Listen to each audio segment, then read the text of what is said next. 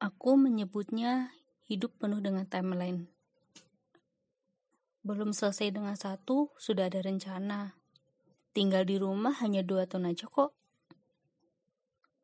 Selebihnya bebas. Urusan berbakti akan sampai mati.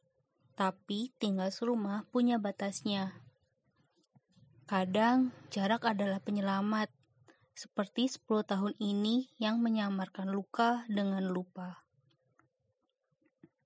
Aku tidak akan menyalahkan siapa-siapa.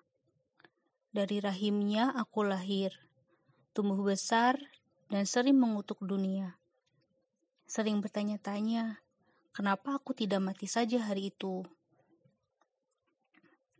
Setidaknya aku belum mengenal dosa dan ketakutan akan rasa sakit ataupun terlalu cinta pada dunia. Tempatku di surga. Atau barangkali tidak memiliki tempat karena tidak, tidak sempat mewujud. Atau barangkali aku lahir jadi makhluk hidup lain. Entah. Kata teman selalu terngiang-ngiang. Kalau boleh milih, barangkali aku nggak mau lahir. Pasti anakku akan mikir demikian sih. Eh, aku nggak pengen punya anak, ding. Atau teman lain. Kalau liburan, aku maunya di rumah aja. Menghabiskan waktu nemenin ibu masak.